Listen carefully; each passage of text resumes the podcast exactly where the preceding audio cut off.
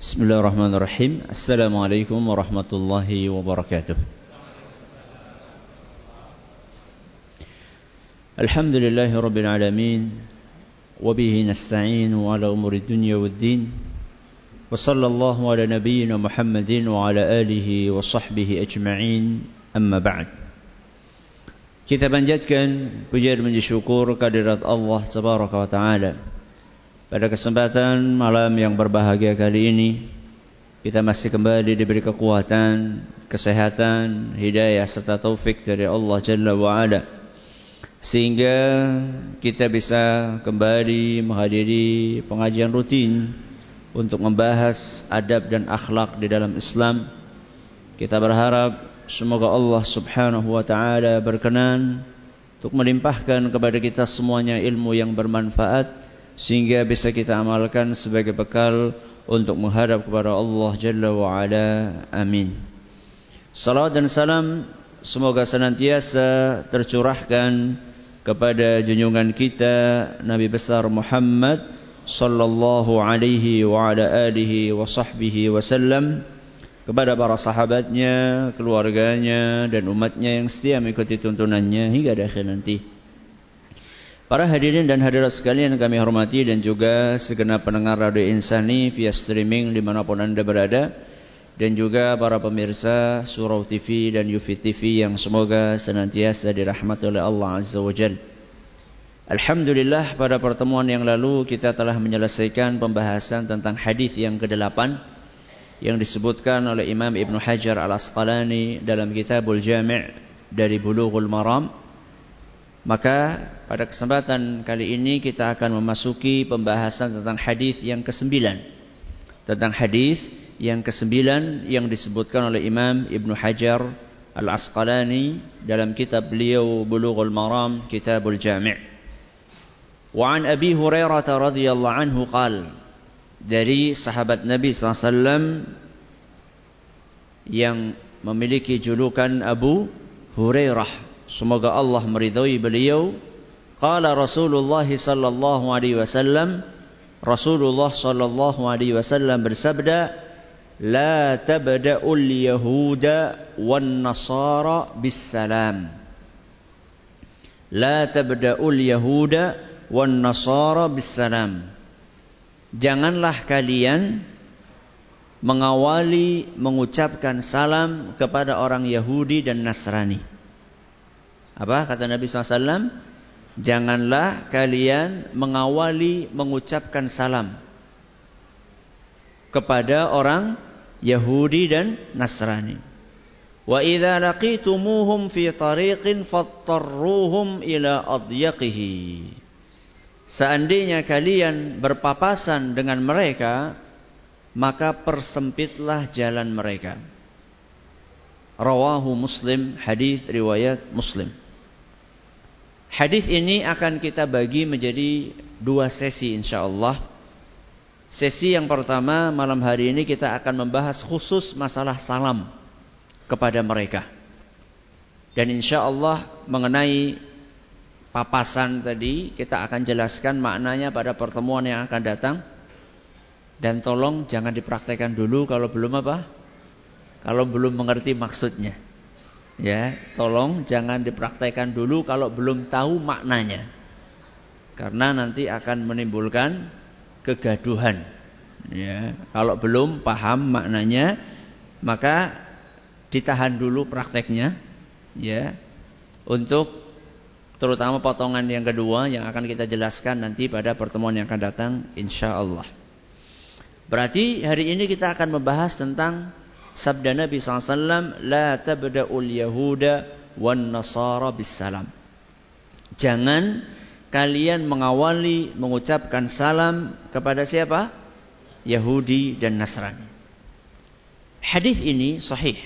Hadis riwayat Muslim. Hadis ini menunjukkan tidak bolehnya seorang muslim untuk mengawali salam kepada orang Yahudi dan Nasrani.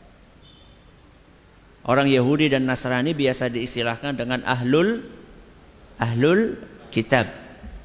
Ahlul kitab yaitu orang-orang yang punya kitab. Kitab di sini itu bukan sembarang kitab, tapi kitab yang diturunkan oleh Allah. Ya, makanya orang Yahudi punya kitab namanya namanya Taurat, sedangkan orang Nasrani punya kitab namanya Injil. Itu aslinya adalah kitab yang diturunkan oleh Allah Subhanahu wa taala kepada nabinya. Kalau Taurat Allah berikan kepada siapa? Nabi Musa. Sedangkan Injil Nabi Isa alaihissalam.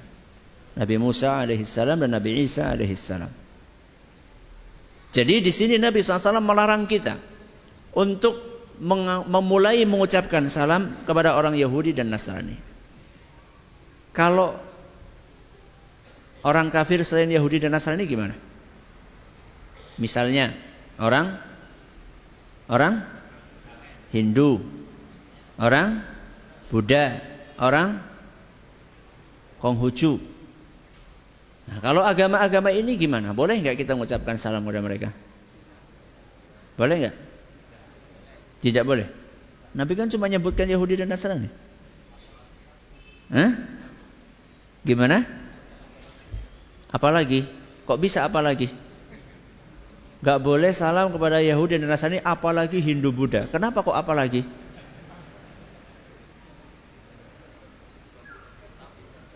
Gak punya kitab. Masa mereka gak punya kitab? Kan mereka punya Tripitaka, punya apa lagi?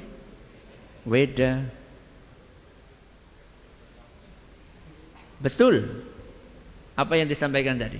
Kalau sama orang Yahudi dan Nasrani aja nggak boleh, apalagi sama orang musyrikin dari kalangan selain ahlul kitab.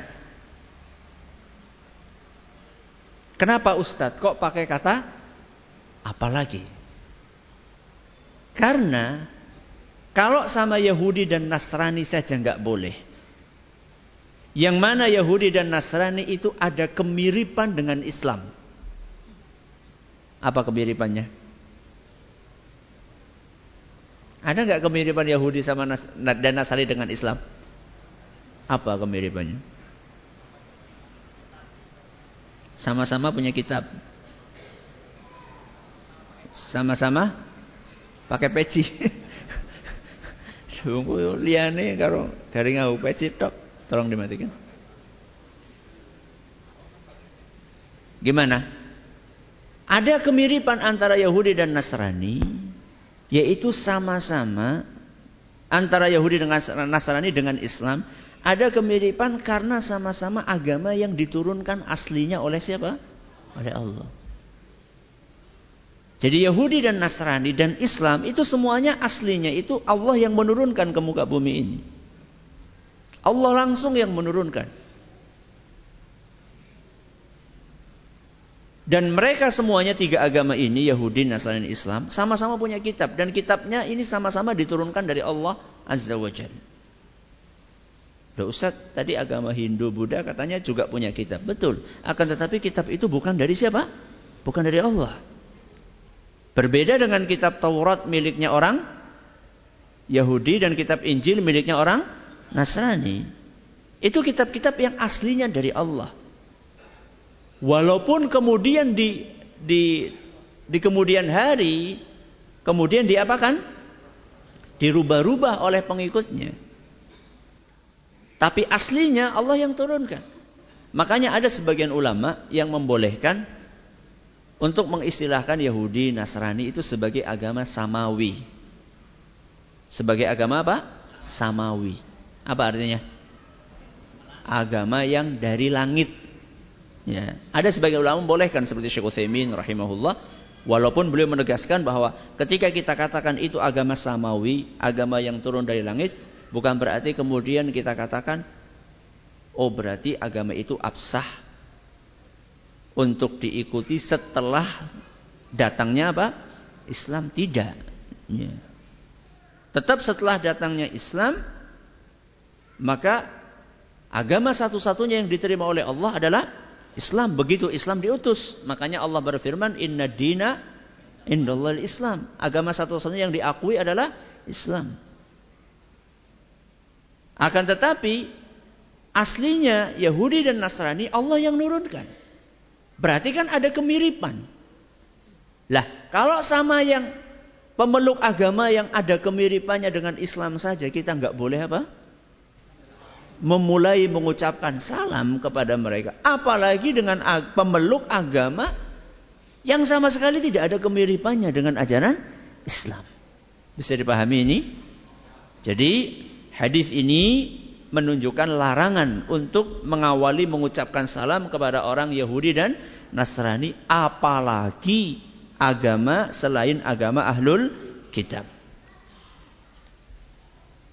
Kenapa Ustadz nggak boleh? Kenapa tidak boleh? Kenapa kita tidak boleh mengucapkan salam kepada orang Yahudi dan Nasrani? Satu, karena Rasulullah SAW melarang. Karena apa? Rasulullah SAW melarang. Kalau Rasulullah SAW sudah melarang, maka tidak ada pilihan lain. Kecuali sami'na wa ata'na. Kita dengar, kita taat. Kita taat untuk meninggalkan apa yang dilarang oleh Rasul SAW. Makanya Allah Subhanahu wa taala berpesan di dalam Al-Qur'an surat Al-Hasyr ayat 7. Surat apa? Al-Hasyr ayat 7. Wa ma atakumur rasulu fakhudhuhu. Apa pun yang dibawa oleh Rasul maka amalkan. Praktekkan. Ambillah oleh kalian. Selanjutnya Nabi eh, Allah Subhanahu wa taala berfirman, "Wa ma nahakum anhu fantahu." Dan apa pun yang dilarang oleh Rasul SAW maka jauhilah. Tinggalkanlah. Ini pesan dari siapa? Dari Allah. Jadi Allah Subhanahu wa taala pesan kepada kita kalau memang kita betul-betul mengaku bahwa Nabi Muhammad SAW adalah Nabi kita sebagaimana yang sering kita ucapkan rodi itu billahi robba. Terus wabil islami dina. Terus wabi Muhammadin sallallahu alaihi wasallam nabiyan wa rasulah. Raditu billahi robba. Aku ridho Allah sebagai Rabbku, sebagai Tuhanku. Wabil islami dina. Aku juga ridho Islam sebagai agamaku. Wa bi Muhammadin sallallahu nabiyan wa rasula dan aku ridho bahwa Muhammad adalah sebagai nabi dan utusan dari Allah untuk kami. Ketika kita sudah berikrar bahwa kita rela ridho Muhammad SAW sebagai nabi kita, maka ketika Nabi SAW memerintahkan sesuatu, seharusnya kita kerjakan. Nabi SAW melarang sesuatu, seharusnya kita tinggalkan. tidak banyak pro protes. Islam sih artinya apa? Islam itu artinya pasrah. Islam itu artinya pasrah, menerima. Ya. Apa pun yang diperintahkan oleh Allah dan Rasulnya SAW dan menjauhi apa pun yang dilarang oleh Allah dan Rasulnya SAW. Kalau masih banyak protes, itu sebenarnya belum apa? Belum Islam beneran. Ya Islam tapi ya Islam-Islaman. Jadi kalau sudah Islam itu seharusnya apa kata Allah, apa kata Rasul SAW diterima. Ustaz. Kalau kayak gitu kita ini enggak ilmiah Ustaz. Enggak apa? Keilmiah Ustaz. Kita telan mentah-mentah apa yang diperintahkan oleh Allah dan Rasulnya SAW. Lantas di mana kita letakkan apa? Akal kita, Ustaz. Jamaah yang kami hormati. Akal itu memiliki kedudukan yang mulia di dalam agama kita. Agama kita adalah agama yang paling memuliakan akal. Tidak ada agama seperti Islam, apalagi melebihi Islam dalam memuliakan akal. Dan salah satu cara Islam dalam memuliakan akal, salah satunya adalah bahwa akal diberi kewenangan. Diberi batasan yang tidak boleh melebihi batasan itu. Imam Syafi'i pernah mengatakan, "Inna lil aqli haddan yantahi ilaihi kama anna lil basari haddan yantahi ilaihi." Akal itu ada batasnya. Seperti mata juga ada apa? Batasnya. Setajam-tajam mata jenengan berapa kilometer? Berapa kilometer? Mana yang matanya paling apa? Yang paling tajam. Berapa kilometer kita bisa melihat? Ada batasnya. Akal juga ada batasnya. Ketika akal ini dipaksakan untuk melampaui batasnya, berarti kita sudah tidak menghormati akal lagi.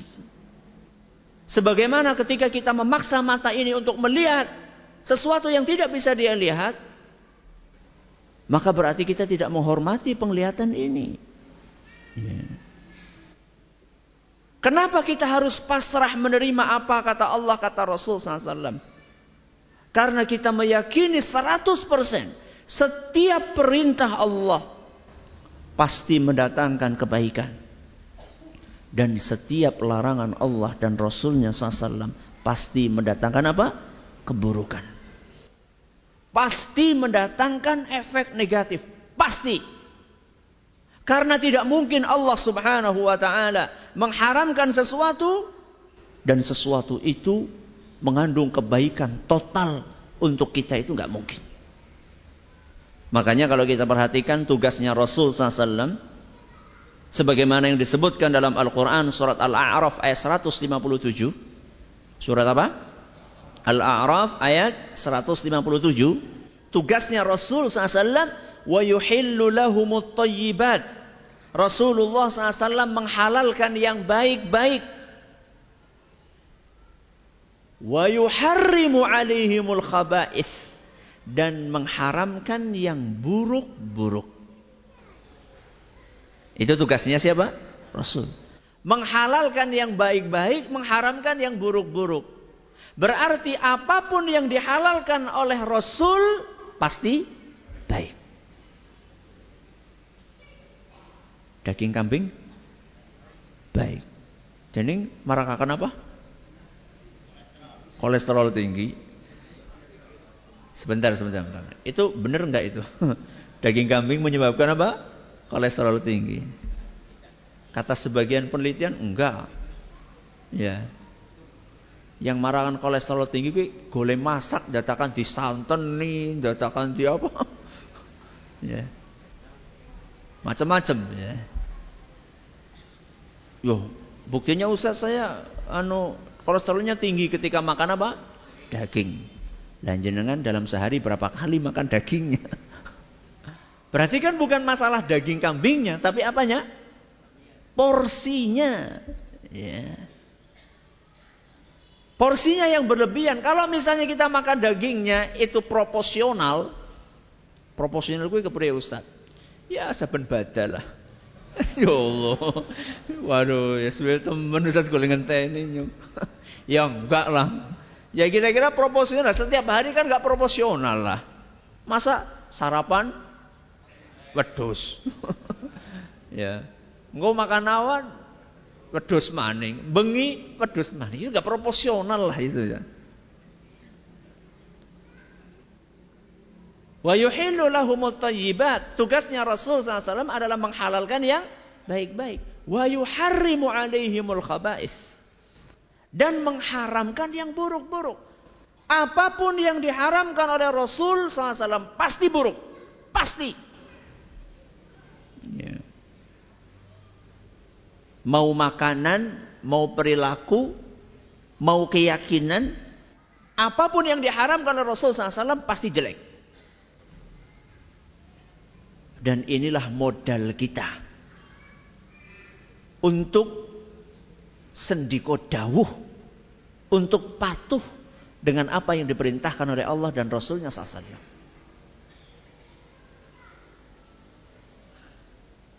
Sepintar apa pun kita setinggi apa pun IQ kita tidak akan bisa pernah menyamai ilmu yang dimiliki oleh siapa? Allah Subhanahu wa taala. Jangankan menyamai seujung kukunya aja nggak ada. Masa iya Ustaz? Itu profesor Ustaz yang sing botak-botak ya masa orang? Nggak ada apa-apanya. Allah di dalam Al-Quran menceritakan bagaimana luasnya ilmu Allah menggambarkan bagaimana seandainya seluruh pohon yang ada di muka bumi itu dijadikan apa? Pena. Gagange gue adalah pohon seluruh yang ada di muka bumi. Berapa pohon? Wis rasa nang dua bumi lah. Nang Purwokerto pira ya celwit? Ada yang pernah ngitung? Kurang gayan. Ngitungnya apa? Wit nang Purwokerto. Sudah berapa pohon bayangkan? Seandainya seluruh pohon yang ada di muka bumi dijadikan pena. Wal bahru yamudduhu min ba'dihi sab'atu abhurin. Seluruh laut yang ada di muka bumi ini dijadikan sebagai tinta. Kemudian ditambah lagi bonus tujuh samudra lagi. Untuk apa? Menulis ilmunya Allah. Mana fidat kalimat tidak akan habis ilmunya Allah Subhanahu wa taala. Itulah ilmunya Allah Azza wa Jalla. Coba profesor kita panggil profesor sing paling apa?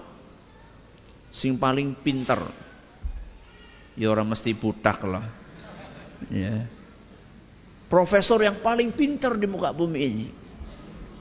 Kita kasih pulpen selusin Bira? Pulpen selusin. Kemudian buku tulis sepak. Sepak itu isinya berapa? Ya selusin. Kemudian kita minta kepada Pak Profesor tadi tolong jenengan tulis seluruh ilmu yang jenengan ada di kepala jenengan. Dengan sepak pulpen ini dan di atas buku sepak. Kira-kira berapa pulpen yang tintanya habis? Berapa? Ya. Seperti ini mau mengatakan lebih pintar dan menolak apa yang diperfirmankan oleh Allah Subhanahu wa taala. Sama sekali nggak pantas. Jadi kenapa nggak boleh? Karena satu dilarang oleh Rasulullah SAW. Yang kedua, karena salam adalah penghormatan. Karena salam adalah penghormatan. Dan non-muslim tidak layak untuk mendapatkan itu. Non-muslim tidak layak untuk mendapatkan itu. Rasulullah SAW bersabda dalam sebuah hadis yang diriwayatkan oleh Imam Ad-Darqutni. Dan sanad hadis ini dinyatakan hasan oleh Imam Ibnu Hajar Al-Asqalani. Rasulullah SAW bersabda, Al-Islamu ya'lu wala yu'la alaih. Islam itu tinggi. Islam itu terhormat dan tidak ada yang lebih tinggi dibandingkan apa? Islam. Ini alasannya keberapa? Alasan yang kedua. Alasan yang ketiga, salah satu tujuan salam adalah untuk menumbuhkan kasih sayang. Masih ingat kemarin kan ya kita bahas apa ya? bahwa tujuan salam adalah untuk menumbuhkan kasih sayang. Dalam hadis riwayat Muslim, "Afala adullukum ala syai'in idza fa'altumuhu tahabbtum?" Maukah kalian kutunjukkan suatu amalan? Kalau kalian praktekkan amalan ini maka kalian akan saling mencintai. Apa itu? Afshus salam bainakum. Tebarkanlah salam di antara kalian. Berarti tujuan utama salam salah satunya adalah untuk menumbuhkan kasih sayang. Dan boleh nggak kita berkasih sayang dengan Yahudi dan Nasrani? Boleh nggak? Tidak boleh. Tidak boleh. Ya. Dari situlah salam kepada mereka dilarang. Karena menumbuhkan kasih sayang, karena salam itu menumbuhkan kasih sayang. Dan kita dilarang untuk saling menyayangi, saling mengasihi dengan orang Yahudi dan Nasrani. Di mana Ustadz? Dalilnya bahwa kita nggak boleh saling menyayangi dengan Yahudi dan Nasrani. Di dalam Al-Quran. Yang membuat ayat yang membuat geger Indonesia. Apa? Al-Maidah ayat 51. Ya. Padahal ayat, ayat ini baru turun bulan kemarin apa udah lama? Hah? Udah 14 abad yang lalu ayat ini udah ada. Cuman mungkin baru apa? Baru melek, baru sadar gitu ya. Dan ayat ini itu bukan hanya berbicara masalah pemimpin saja bukan. Kalau kita baca ayat ini baik-baik, Ya ayyuhalladzina amanu. Wahai orang-orang yang beriman. La tattakhidul yahuda wan nasara awliya. Janganlah kalian menjadikan orang Yahudi dan Nasrani sebagai wali. Ya. Sebagai apa? Wali. Wali itu dalam bahasa Arab maknanya macam-macam. Bisa dimaknai pemimpin, bisa dimaknai teman, akrab, ya, bisa dimaknai kekasih, ya, dan ini yang akan kita garis bawahi saat ini. Yang akan kita garis bawahi masalah kekasih ini. Allah Subhanahu wa taala melarang kita menjadikan orang Yahudi dan Nasrani sebagai kekasih kita. Yang kita sayangi, ya. Apalagi kita puja-puja. Menyayangi saja nggak boleh, apalagi memuja-muja. Ada yang memuja orang Yahudi Nasrani. Berjam-jam ngenteni. Ya. Sampai semaput. Ya. Pengen ketemu sama idolanya. Wong apa wong Islam? Ya. Orang Yahudi, orang Nasrani. Ya. Posternya ditempel di mana? Di kamar. Setiap ada poster keluar baru, tempel. Entah itu artis, entah itu penyanyi, entah itu bintang film, entah itu pemain bola, entah itu juara motor GP,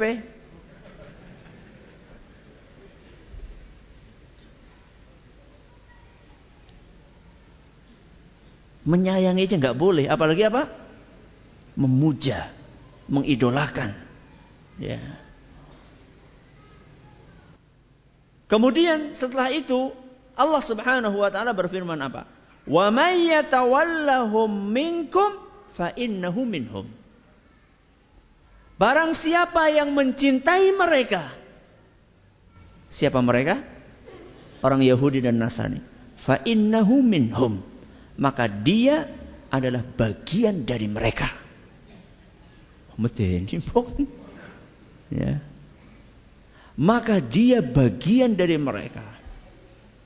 Ustaz berarti langsung murtad gue, yora ya langsung. ya. Dia itu akan nyontoh mereka. Kalau sudah saling menyayangi, maka dia akan berusaha untuk apa? Meniru. Coba perhatikan anak-anak muda sekarang. Ya nggak mesti anak muda, anak tua juga ada. Coba lihat gaya rambutnya. Coba lihat pakaiannya. Nyontoh siapa? Idolanya. Idolanya siapa? Ya. Ketika mereka mohak. Gaya rambutnya apa? Mohak. Maka ikut-ikutan apa? Mohak. Begitu idolanya pakai celana levis ketat, sobek sana, sobek sini. Ikut-ikutan. Orang duit duit gue tuku sing wis ya disowek-sowek dewek. Astagfirullahaladzim. Ketika idolanya celananya ada rantainya, ikut-ikutan apa? Pakai rantai. Gue ngapa mas rantai ini mas? Embuh orang ngerti. Fa. Barang siapa yang mencintai mereka, maka dia termasuk golongan mereka. Dia akan ikut-ikutan terus. Yang lebih serem jamaah yang kami hormati. Sabda Nabi SAW. Al-mar'u ma'aman ahab. Manusia itu di hari kiamat nanti akan dikumpulkan bersama dengan yang dia cintai. Manusia di hari kiamat akan dikumpulkan, digabungkan oleh Allah bersama dengan orang yang dia cintai. Kalau kita cintanya kepada Rasul SAW, maka mudah-mudahan kita akan dikumpulkan bersama Rasulullah SAW. Di mana? Surga. Kalau yang kita idolakan adalah non-muslim, mereka tempatnya di mana? Jelas sekali dalam Al-Quran surat Al-Bayyinah. Innal ladhina kafaru min ahli al-kitabi wal musyrikina fi nari jahannam khalidina fiha ulaika hum syarrul bariyah orang-orang kafir dari kalangan ahlul kitab. Fi nari jahannam. Ini yang menyampaikan Allah yang punya surga dan neraka bukan saya. Sehingga keliru kalau misalnya ada orang mengatakan wah Ustaz Tewis mulai bagi surga kalau apa? Neraka Nauzubillah min dzalik. Kita saja belum tentu masuk surga. Kok bagi apa? Surga neraka enggak, enggak. Kita cuma membacakan apa? Firman Allah Subhanahu wa taala. Alhamdulillah rabbil alamin, salatu wassalamu ala nabiyyina Muhammadin wa ala alihi wa sahbihi ajma'in. Kita ulangi kenapa tidak mengucapkan salam kepada Yahudi dan Nasrani?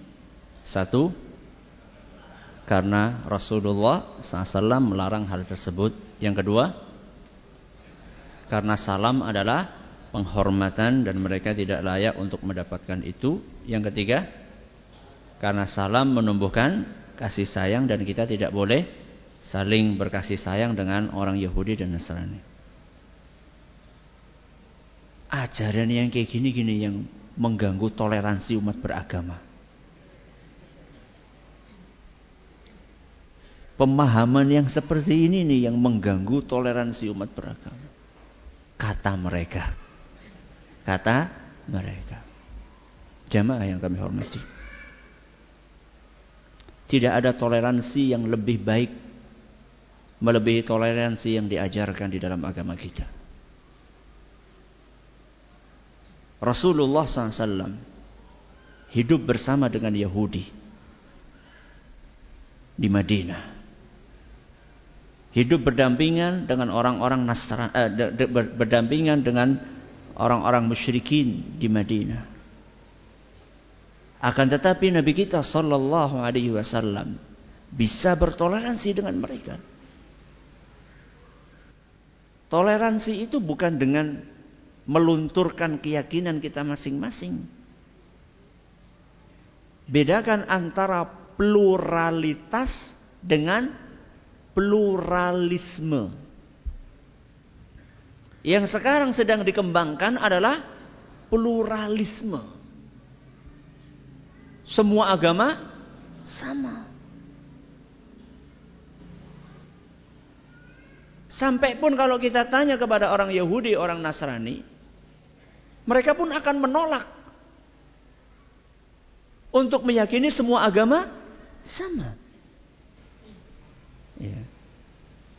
Di dalam kitab suci mereka, mereka juga meyakini yang masuk Islam, eh, yang masuk surga adalah mereka. Selain mereka nggak masuk surga.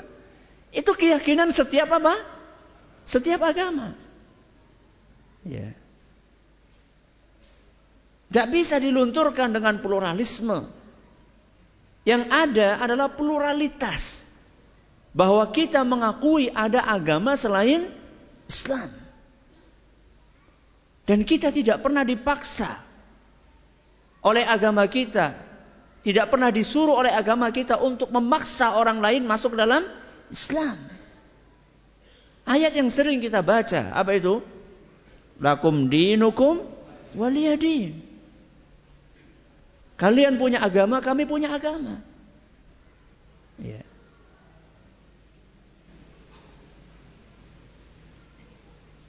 Terus apa boleh kita Ustadz dalam keseharian kita membantu tetangga kita yang non non muslim Ustaz? Boleh. Dan itu berdasarkan nas dari Allah Subhanahu wa taala dalam Al-Qur'an. Yaitu dalam surat Al-Mumtahanah ayat 8. Dalam surat Al-Mumtahanah ayat 8. Allah Subhanahu wa taala berfirman, "La yanhaakumullah 'anil ladzina lam yuqatilukum fid dini wa lam yukhrijukum min diyarikum. Kepada orang-orang kafir yang tidak memerangi kalian dan tidak mengusir kalian dari kampung halaman kalian kepada mereka Allah tidak melarang kalian antabarruhum untuk berbuat baik kepada mereka Watuksitu ilaihim dan berbuat adil kepada mereka. Innallaha yuhibbul muqsitin karena Allah sesungguhnya mencintai orang-orang yang berbuat adil. Jadi kalau jenengan bisnis sama non muslim, waktunya bayar ya bayar. Ya. Aja, oh nggak boleh, kita nggak boleh mencintai mereka. Itu masalah cinta. Ini masalah adil. Waktunya bayar bayar. Ya. Ketika ada non muslim butuh bantuan kita, kita bantu. Bantu bikin rumah dia misalnya. Atau dia tertimpa musibah, rumahnya kebakaran. Kita segera apa? Ambil air, gak usah. Ki agamanya wong apa gini? Ki wong ki agamanya apa? Anak wong kecemplung sumur. Dila-dila lagi agamanya apa kok KTP? Mati disit. Ya. Gak ada larangan untuk hal yang seperti itu. Tapi kasih sayang dalam hati yang bisa melunturkan keyakinan gak boleh. Ya. Karena itu kaitannya dengan akidah, dengan keyakinan kita masing-masing. Ya. Jadi kita perlu memilah, perlu memilih. Ya. Perlu dibeda-bedakan mana yang boleh, mana yang tidak boleh. Mana yang bisa melunturkan keyakinan kita, mana yang tidak. Ya. Makanya semuanya itu dijelaskan dengan gamblang di dalam agama kita. Jadi kalau pengen tanya konsep tentang uh, apa tadi toleransi itu ada semuanya dalam agama kita. Ya. Toleransi kepada non muslim, bagaimana kita berinteraksi dengan mereka dijelaskan dengan gamblang dalam Al-Qur'an dan hadis Rasul sallallahu alaihi wasallam, hanya saja kita mau membaca atau tidak. Sebelum saya baca pertanyaannya, sekedar mengingatkan besok pagi ini kan Ahad pekan ketiga ya.